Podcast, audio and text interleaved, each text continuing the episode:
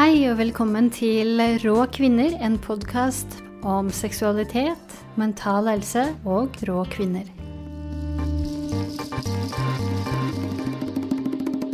Hei og velkommen til en ny episode. Mitt navn er Elise Ain, og i dag skal vi snakke om BDSM.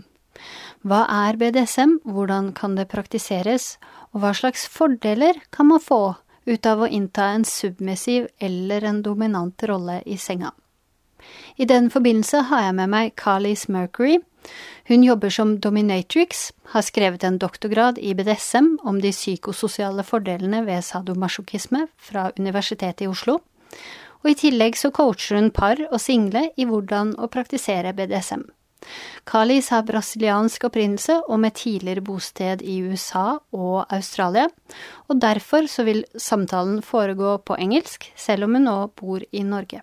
I hope you'll enjoy. Hello. Hey, how hey. are you? I'm good. So BDSM, what is really BDSM? What what kind of play is it? Um, BDSM stands for six things, actually. Uh, so the, the letters B and D stand for bondage and discipline. Then you continue and you copy the D again, D and S. So BDS, yeah, is dominance and submission.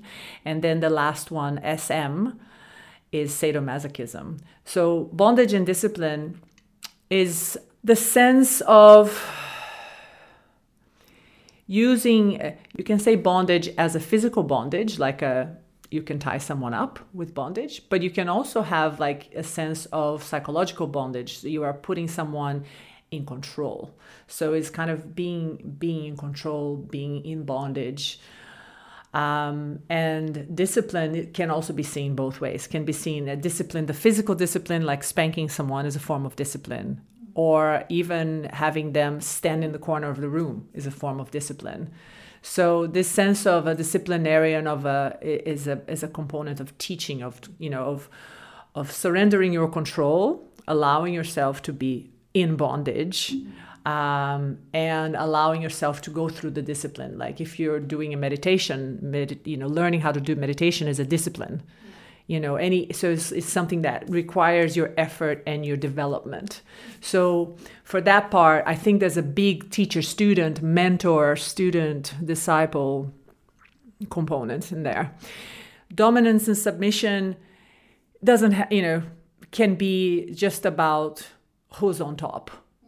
And many uh, many traditional heteronormative re- relationships are doing dominance submission where the man is dominant the, the female is submissive right? It doesn't have to have kink it doesn't have to have ropes and whips and latex for it to be dominance and submission. So the ds part is a bit more broad ranging would you say that if there's, uh, there's just uh, like for example a man who's actively taking in charge and saying, uh, go lie there, do this, do that. So that's also kind of a, a dominance discipline, no, dominance uh, play. I would say that is already some form of dominance and submission play. Yeah. Um, I would say if, if we talk about Fifty Shades of Grey, for example, mm. the majority of that book, and I would say probably more than 70% of that book was just dominance and submission it was not a lot of B and D and not a lot of S and M actually. so, um, but it had all the the rules. You know, they explained all the rules and contracts and went into all that. But when they're actually doing the play, most of the play was him being sexually dominant towards her. Mm. You know, and and and fucking her in a dominant way in a forceful way but you know she was into it. So it was it was also it wasn't forceful. It was consensually forceful. Mm. it's like oh take me damsel in distress thing which is horny and it's beautiful. And there's nothing wrong with that but it's not necessarily s&m mm, yeah. right? Um, so this is something that um, many women can get a bit confused with because you you read 50 shades of gray and you expect oh, then do I have to be, you know, if I'm going to be dominant, then do I have to be like all macho and stuff? Because mm-hmm. our ideas of dominance are so interlinked with the traditional male female dynamic. Right. Or or that you have to dress a certain way. or that you have to dress a certain way. Like there's a lot of myths about how to do DS, how to do BDSM, how to do kink. Mm. That's another thing. Kink is just anything that's not vanilla. Yeah. You know, anything that's not heteronormative. So what is kinky here will be different than what is kinky in Brazil because what is normal. Yeah. It depends on what is normal. Mm. Um, whereas BDSM is a bit more of a strict definition as opposed to kink. Mm. Kink's a bit more flowy. Yeah. yeah. Mm. So we can all be a little bit kinky sometimes. Yeah, I think everyone's slightly kinky. Yeah. when you really look at it. Yeah. Uh, how do you did you start the BDSM journey? Yes, most asked question. yeah. So I started I started uh, playing with BDSM a long time ago. Um, probably I was probably 19 years old when I started playing with it um, officially. When I found out what was BDSM, but I was uh, already exploring things in chat rooms. This is back in the 90s. So it was like the whole ICQ and different chat rooms for naughty things. And I was already in the chat rooms doing a lot of cyber sex because I was so bored at college. You know, I went to a very conservative college. Princeton? Yeah, I went to Princeton for this very conservative space. And I used to live in Brazil before that, you know, in Rio. So it was like party, party town. And then the contrast to going into this stiff upper lip, conservative, you know, university town. It was just a lot of, it was very repressive for my sexuality at the time. So I started doing all the online stuff and I was getting all my all my energy out on the cyber sex stuff. And one day somebody's like, hey, are you into kink? Because all these role plays that you're doing on the on these chat rooms, it's like you must be you must be kinky. I'm like, what? What's BDSM? What are you talking about? And so I started learning that way. Um, and through different lovers online. This is before FetLife, and FetLife is the, you know, Facebook for kinksters. Um, but before FetLife, before alternative.com, you know, alt, alt.com, and all these different sites that are now available for people to learn kink. This wasn't there at all. So I was very lucky that I found some online partners that were willing to teach me and tell me about it. So we would share information and they said, read these books. Bah, list of books, you know, I need to read. So I was just eating up all the the knowledge that I could find uh, at the library and what I could find online um, to to really get into it. So I was quite kinky for a few years and playing with different partners at university and, and exploring different things like that. Then I moved to Australia after finishing my th- uh, my um, my degree in the states, and I went to some kinky parties in Australia. And when I was there, somebody asked me, "Ah, oh, where do you work?" And I thought they meant like my normal job, you know, and and it's like, oh no, where do you work as a dominatrix? Because they thought they wanted to have a private session with me, but it's like my my gosh, this is a job. I can do this for work. Hang on a minute, where do I sign up? so, because um, yeah, I already had probably three years or so of lifestyle exploration myself and then I started doing it for work. But then it was, you know, steep learning curve after that because obviously I was able to play with people, but I just kind of did whatever, you know. I, there wasn't, you know, I couldn't go online to learn about these things, so I was just, you know, just doing what my fantasies guided me to do, um, and kind of getting feedback from my play partners, like what they like, what they don't like, and then finding what I like, and just kind of learning as I go. And I worked at a couple of domination places. Um, the first two places I worked at were like chalk and cheese. I don't know if you know this expression in Norway. It's like complete opposites of each other. You know, like like wa- water and wine, so to speak. And the first place, they were a good place, but they didn't give me official training. They just like, oh, go watch this mistress and see what she does and copy her. So in one way, that's one way of learning, um, but they didn't like it de- depended on what that dom wanted to teach me. But the second the second place that I worked at, they were really precise and specific that they wanted all the doms to have the same level of training. So they said to me, I don't we don't care where you worked before, what you've learned before, we're going to start you from zero. And then I went and he told, right, so this is a light spanking. This is a medium spanking. This is a heavy spanking. It's like standardized McDonald's level. You need to know what's light, medium, what's hard um, officially. It's interesting because obviously it varies from person to person, isn't it? Um, but I guess in, in terms of some people say, "Oh, I want a hard spanking," and you do a, a, few a few taps, and they go, "No, that's hard. Hang on a minute. Then that's actually not a hard spanking. I will teach you what is a hard." You know, so teaching people to know their own their own boundaries and what their activities actually want, um, the activities that they actually want, and what levels that are good for them. Why are you teaching specifically females uh, about dominance?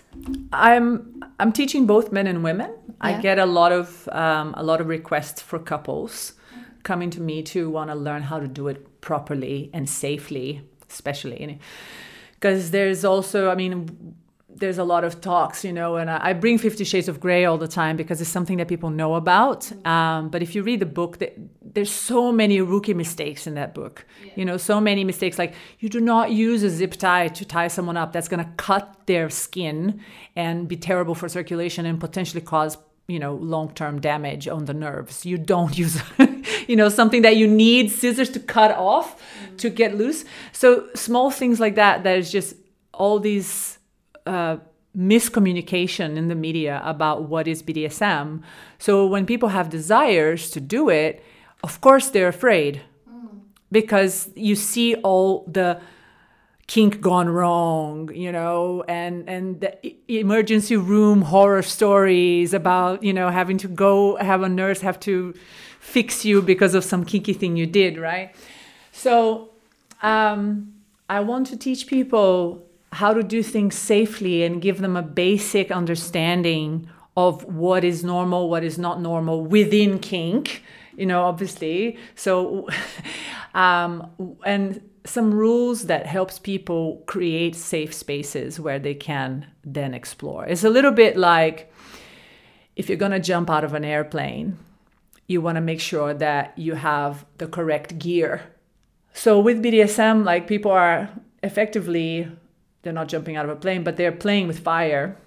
Yeah. So if they don't know uh, the safety measures required, and, and some of this some of this is not just about oh you might get a bruise on your ass.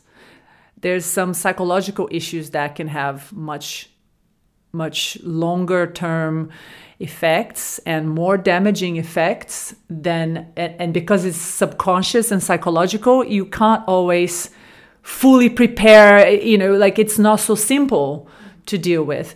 Whereas you can have learn about some of the bdsm rules and i don't want to call it regulations but it's more um, invitation and uh, ways suggestions that you can use in your play that promote a healthy environment and promote healthy healthy relationships good mm. communication yeah. So stuff words are uh, safe words. Safe yeah, words. safe yeah. words are number one priority with safety is using safe words. In people like sometimes when you have a fantasy, and I get this a lot from clients, you know, or people wanting to be clients, uh, they message me. It's like, oh, I want to serve you, mistress. I'll do anything you want this is like a, a, recipe for disaster. You know, you never say do whatever you want because there's no such thing as whatever you want. I mean, I normally answer this question like when people say, Do whatever you want, mistress. I'm like, Okay, good. I'll just tie you up and go to the movies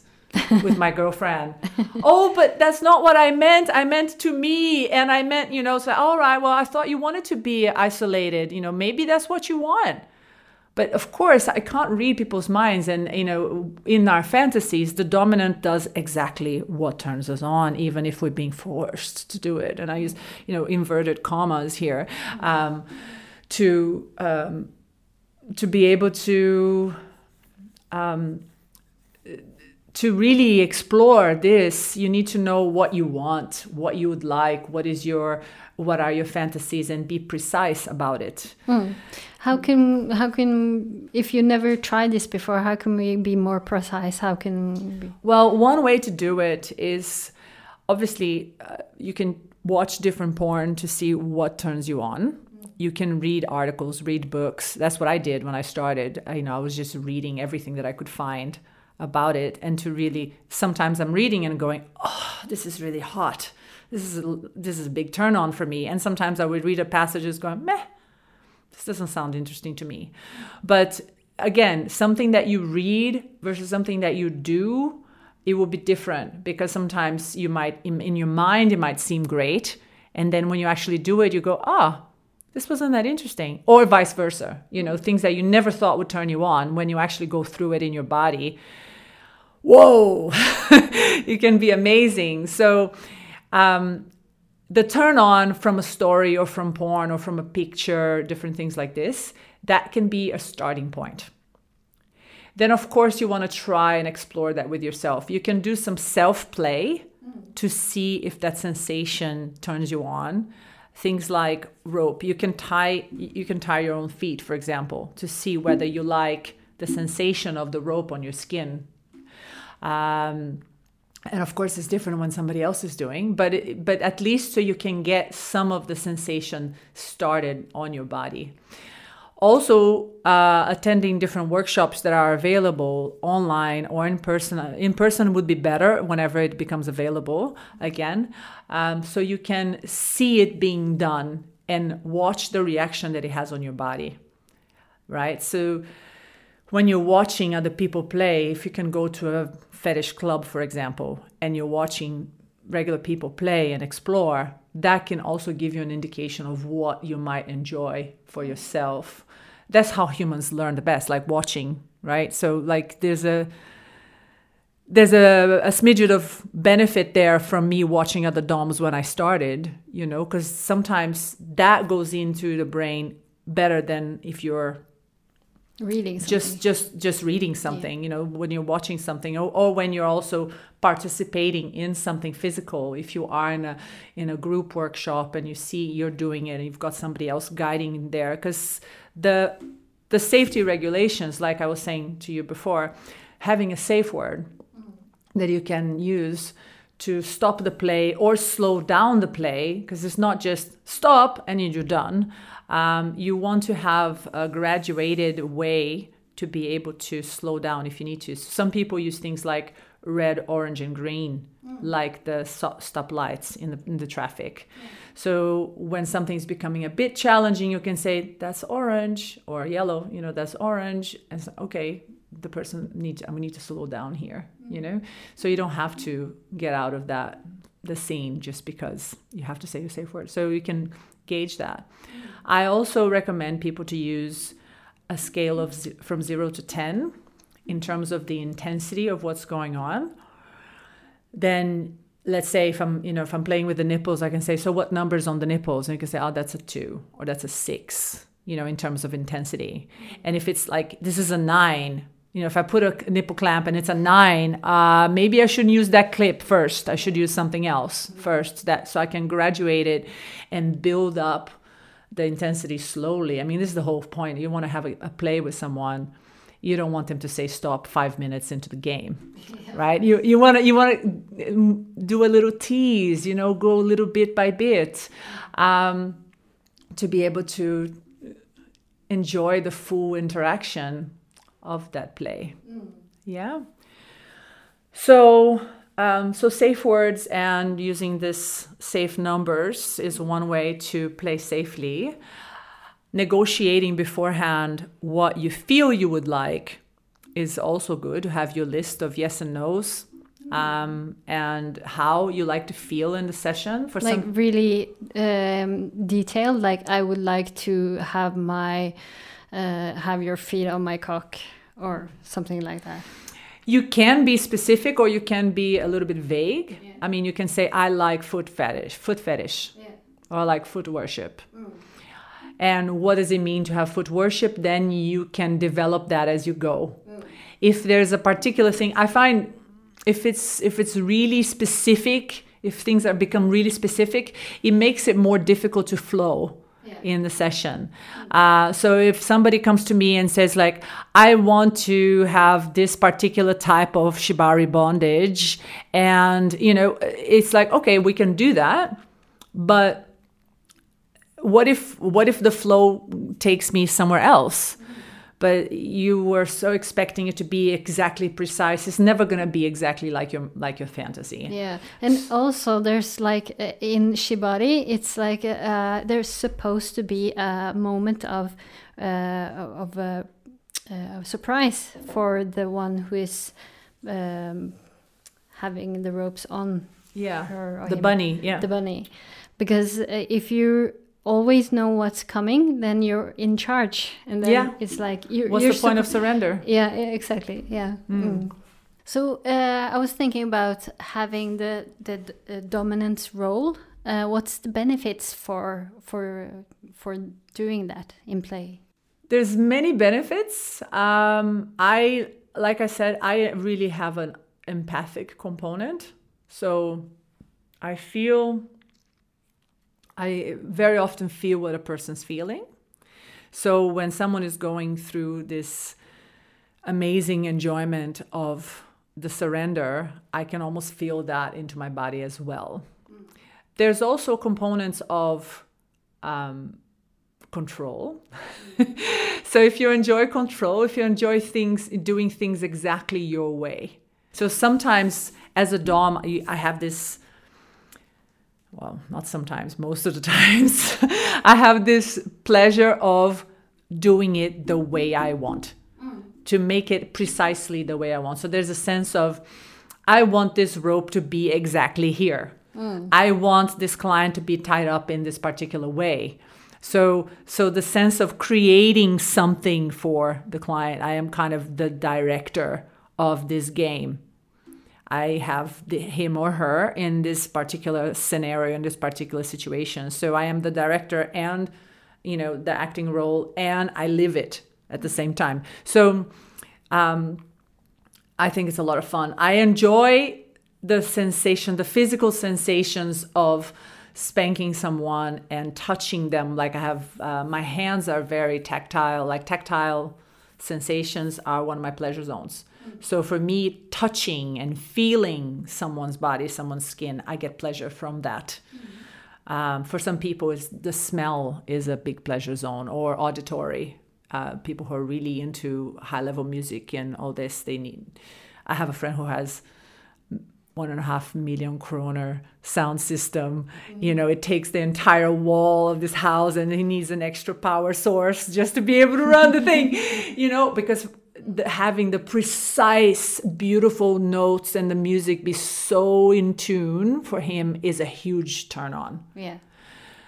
I have a tiny little speaker. I put it up. I'm fine with the auditory. For me, it's not a huge piece, but t- touch mm-hmm. for me is huge. It's like textures and sensations, and um, so sensation play for me is incredible. I can have an orgasm just from sensation play, pure. That's, that's touching the other Feel, person. Well, I, I can have sensation play when I'm being touched, mm-hmm. and I also from when I'm touching someone. And it's not just with the hands. You can touch, you know, with the side of the side of the arm, you know, like run your leg against the person. And so, in a way, there's this sort of seductive snake feeling about me. You know, I like to envelop the person and connect and feel the sensations of the skin and and the seductive part of this sort of femme fatale energy I really enjoy. You know, this this this um, wooing someone almost like a priestess, putting them into a trance part. You know, so that part also is a, is a turn on for me when I'm in a dominant space. Um, what else do I enjoy? Uh, the sense of being huge, being a powerful goddess. You know, like so. The, you, there's there's benefits on both sides. You know, we, uh, we live our lives having to be like a normal size, right? Who we are. Um, but there's always this fantasy of like, what if I was a queen? What if I was a goddess from another planet? You know, and, and it's like, what if I had so endless power? Then in, and in in li- living it you know to really embody that sensation of being uber powerful while at the same time the uh, the submissive or the, the person who decides to surrender they become really small so they kind of let go of their power so they're not I don't take that power away from them. It is freely given with consent. So I take my power plus their power and I multiply it. So through so I'm yielding to people's power in and taking them for a ride with me, but I'm the one guiding it. So it's a bit like somebody's riding a motorbike. I've you know, I'm the one kind of taking the turns and choosing. So there's a deliciousness in surrendering and just going with the ride. And there's also a deliciousness in the one taking control and going, I'm going to turn here, I'm going to turn here. Mm. Yeah. And feeling the person next to you and they're, you know, like getting excited from from the things that you're doing. Mm. Yeah. So, what about uh, the other way around? What's the benefits of, of playing the submissive role? Yeah, well, exactly. So uh, it, it's interesting because with surrender, most people most people in the world actually prefer to surrender because at least nowadays we have so much expectations from society to be you know be independent take care of your own respons- have responsibility for your own adult life you know normally have responsibilities with family with children with job with all these different things so just to be a good member of society like a, a an appropriate, uh, you know, good member to be good, to be a good person, you have to follow all these particular rules. And they all usually have to do with you being responsible and in control of your own life. So it can be exhausting, especially now. There's so many choices that we have to make. What is what is a, what are good choices for life and what are not? There's so much research that you need to do in health and fitness and nutrition and and psychology and you know relationships and it just you know I could spend my whole life doing self care because it's just, it's like there's so much to learn now. So there's a joy that comes from letting go and being led, having letting, letting somebody else lo- make the decisions. Mm. So here we've got freedom, uh, freedom of choice, power to choose, right, or freedom from choice. So the power is in the surrender, you know, in the sense that I don't have to make a decision. Mm. That is fine, yeah. and it also not necessarily responsibility as well However, there's one small piece that gets forgotten usually, and that's that no matter how much you do the the power exchange, you still have to have some level of self responsibility. I'd like to tell my clients keep at least 10% or 10 or 20% of self responsibility, meaning you watch how your body is reacting. You watch how your emotions are reacting to what is happening.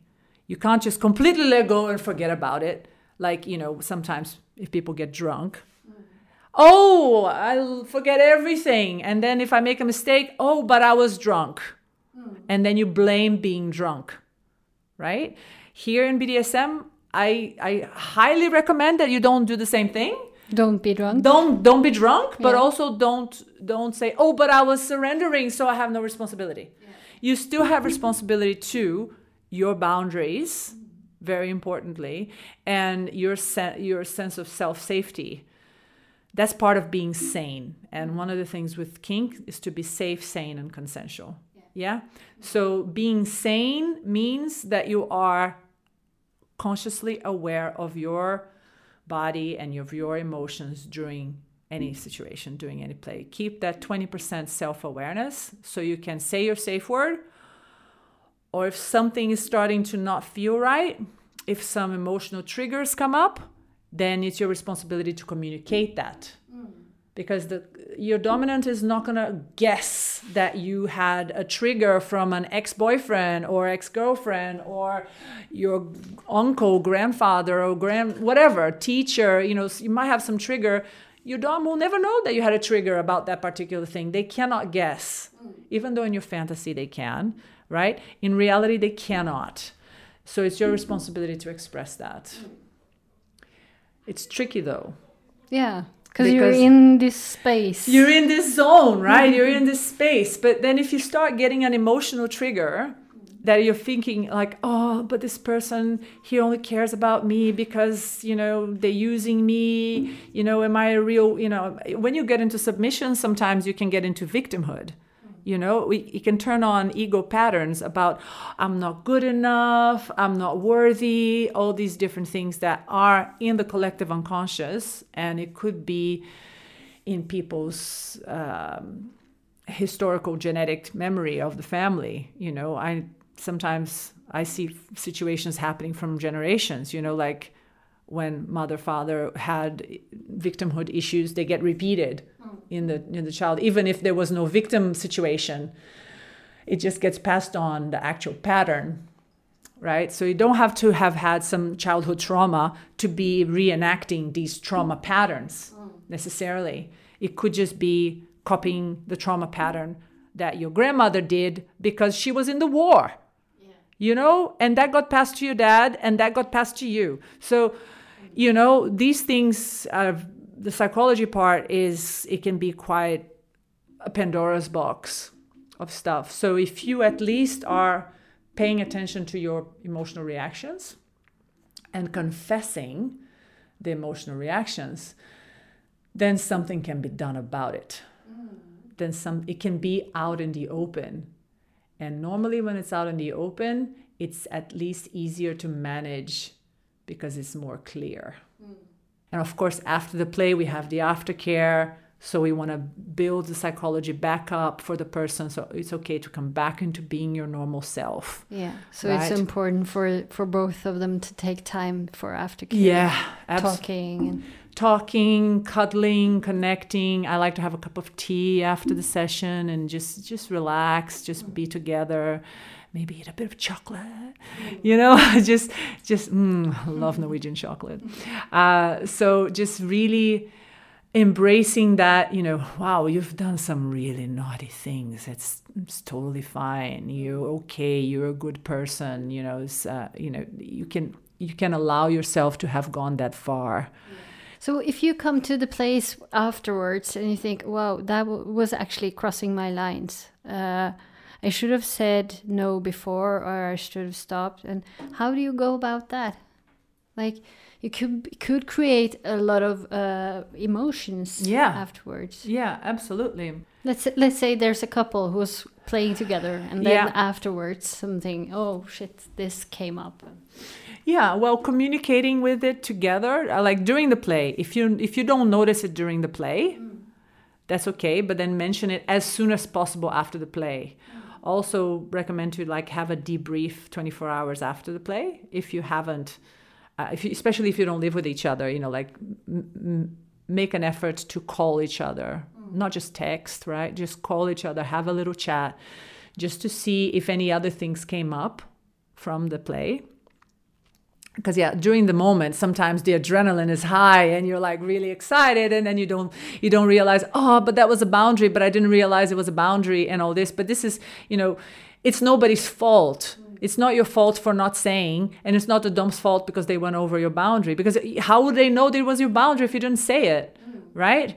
But then if you communicate later is like as soon as possible later say like right well i've noticed this this came up this is an issue for me. Um, writing a report about it, it will be helpful for you to understand what the issue is, what the boundary is. Like, ultimately, we're not going to know our boundaries until we cross them. Yeah. Unfortunately, this is how it is. Mm.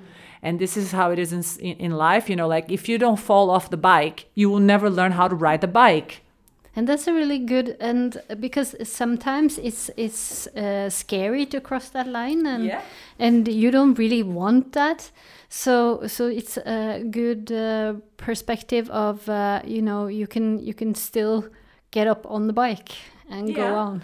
Yeah wear some knee pads. Yeah. You know?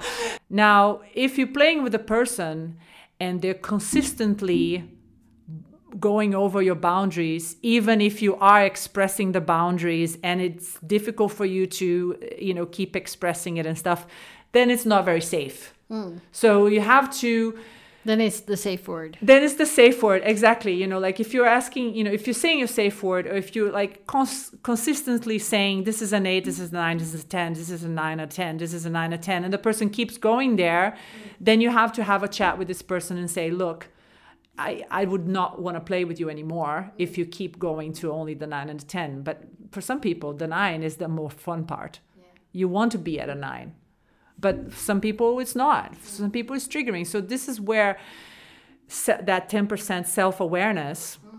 is super important before during and after the session. Because then you're going to be able to learn and grow better. That's also why the coaching I find it super important to have the coaching there for couples because i mean a lot of this stuff is not discussed in the media No, yeah. and even within normal psychology, if you say, oh, yeah, but then we're playing with kink, a lot of psychologists are still judgy about that. I don't know here in Norway per se. Like, you know, I know a lot of psychologists here in Norway are super good with it. And there's a lot of great sexologists here as well that are super open to kink and everything. But we don't know if every single one will be. I know also a few researchers that were against my research here in Oslo, you know, that were did not want to get involved with my research. I asked a number of different people to be my advisor. yeah, it was an uphill battle that one um, because of the idea that BDSM people are traumatized people.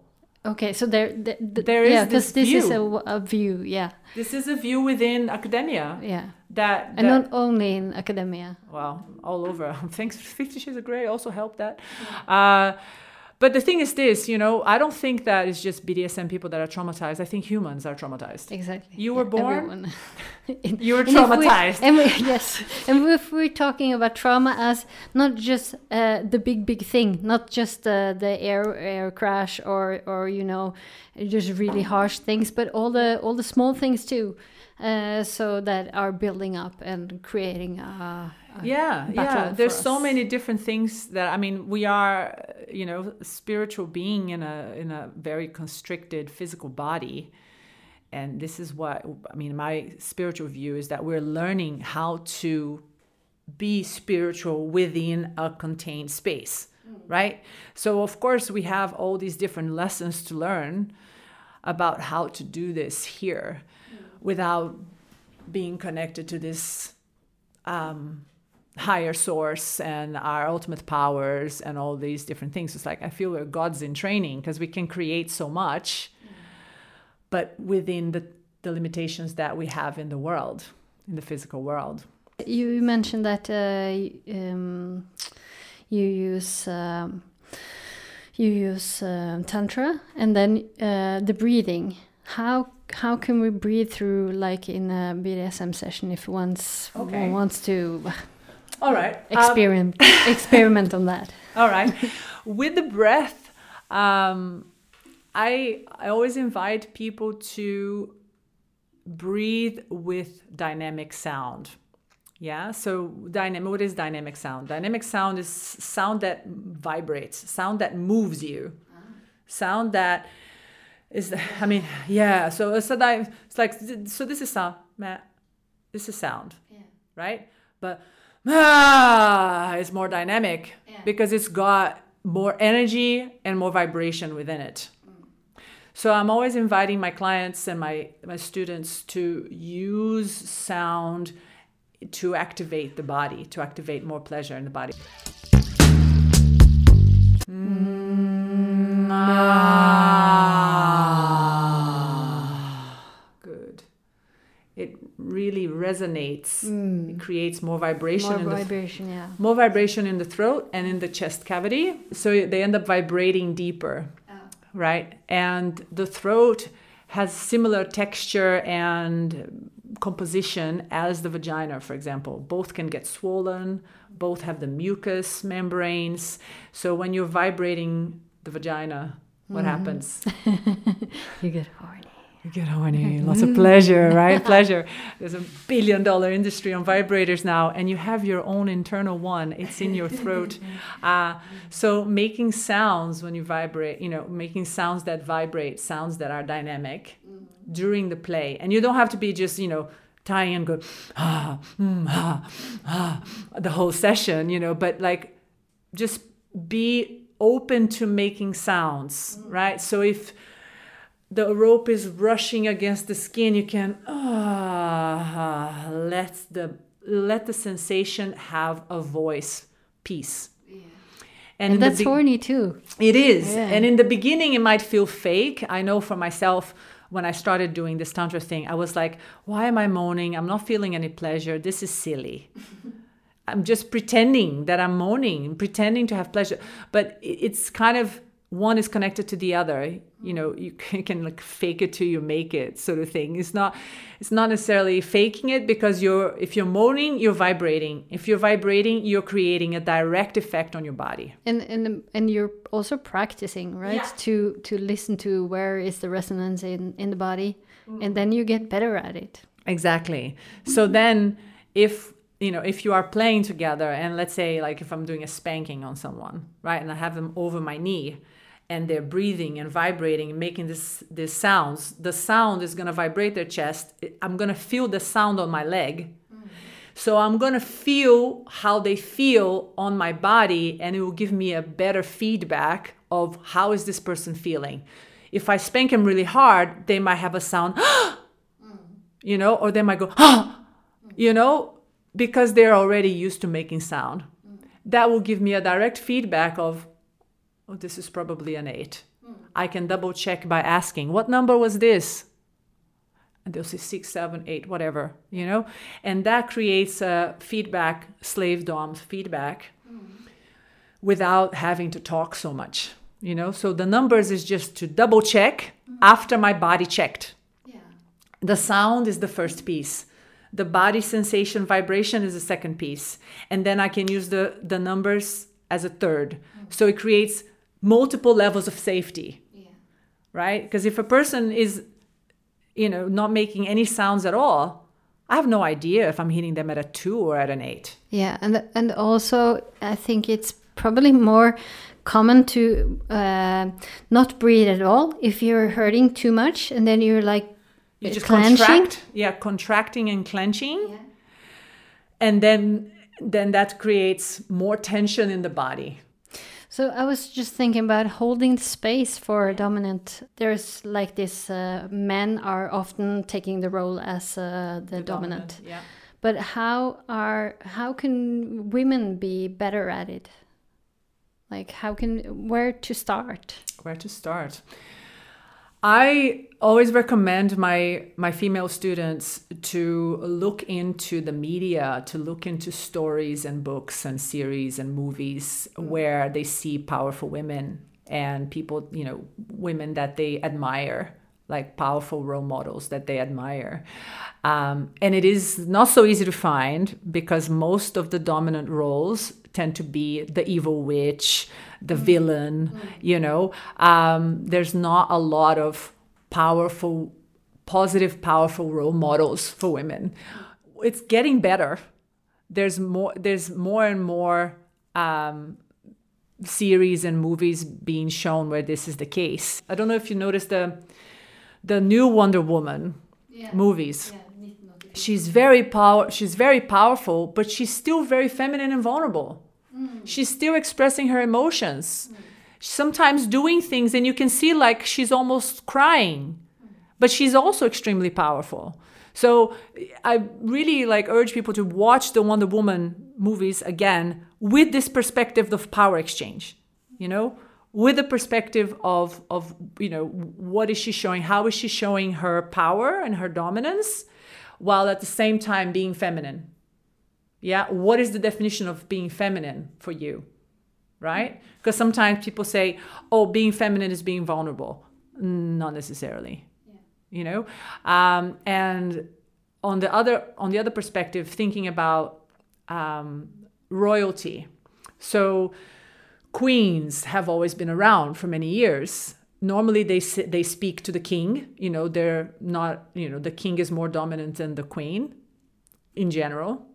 Uh, but there's a lot of queens that are uh, super empowered, and how do they treat then their subs, their uh, the people in lower positions? So the queen and her knights. So the knight is still a powerful man, still strong, still honorable. He doesn't have to be a lowly worm or or a dog or a servant to be serving the queen. He can be a powerful warrior and still be serving the queen. You know, so these little pieces of um, that we can see from from media will really inspire us to like so find a character in movies that you are attracted to.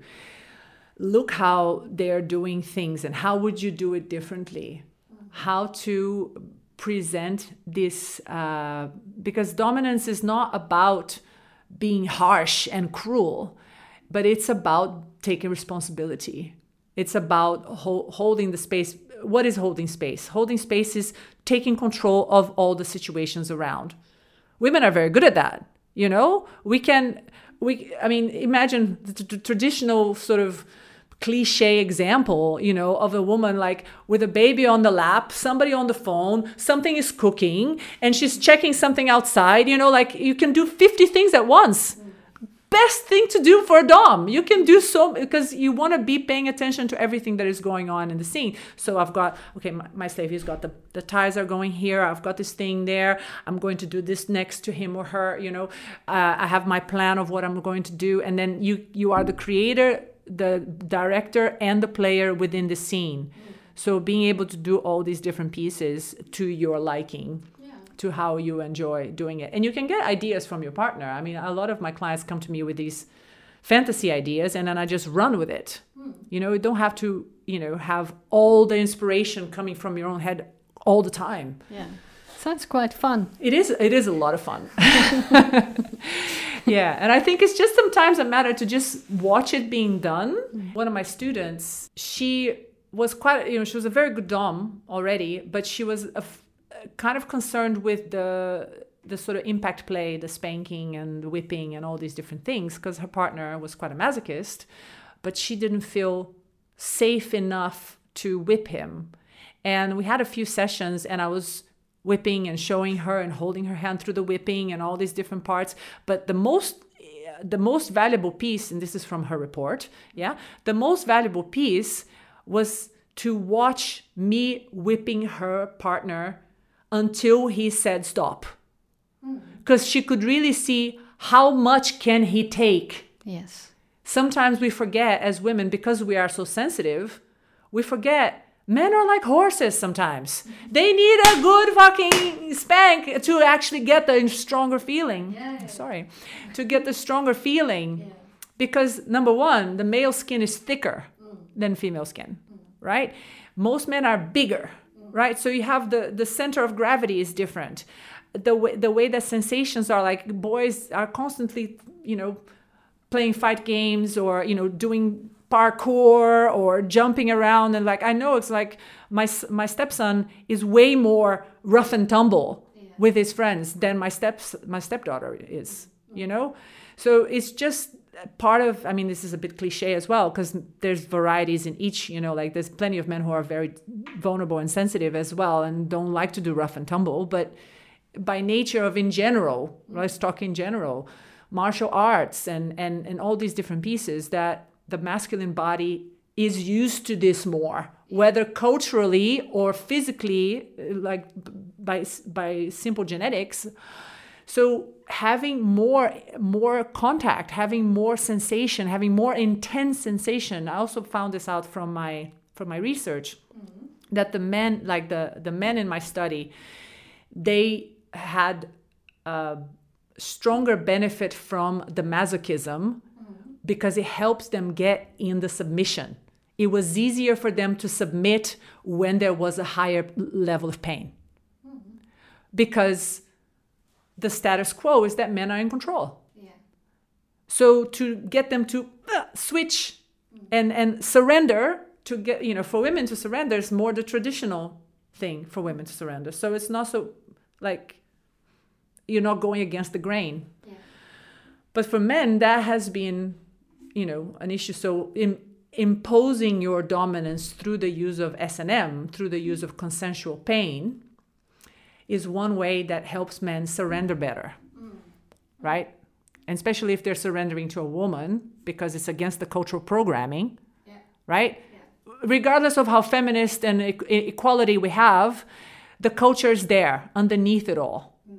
right? And we can't control what the culture is doing in our brains. So this is one way to help that it helps go through that.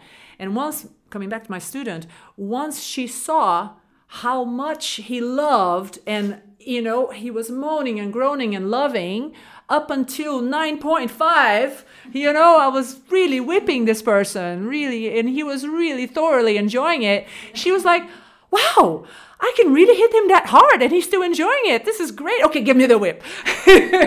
so it was sometimes just giving her permission to do it Yeah. because she didn't feel like, I don't want to hurt my partner. I love him. you know? But then once she saw that with me doing it, it, she realized how she was actually giving him something, you mm. know? She was, you know, not, she was being kind by being cruel in a mm. way. Um, there's so much power mm. for both. So, whatever you're doing, just really watch your consent. And of course, then you have to watch your boundaries. Yeah. Be kind to yourself.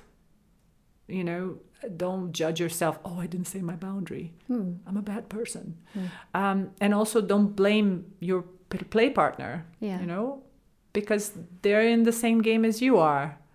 Hmm. And just play. Just play. yeah. Just explore explore the play. That's beautiful. I can go forever Yeah, about this. I was just thinking about that, but uh, I think that we will wrap it up now. Mm-hmm. Uh, thank you a lot for all your insights, all Mm. your uh, knowledge, and You're talking welcome. with me. Yeah, you're most welcome. Hvis du kunne tenke deg en coaching session med Kalis, så kan du gå på kinktuition.com og eventuelt kalismercury.com. I neste episode av Rå kvinner skal vi snakke om når sex gjør vondt. Og da får jeg besøk av ph.d.-student ved OsloMet, Linn Myrtveit Stensrud. Vi høres neste mandag.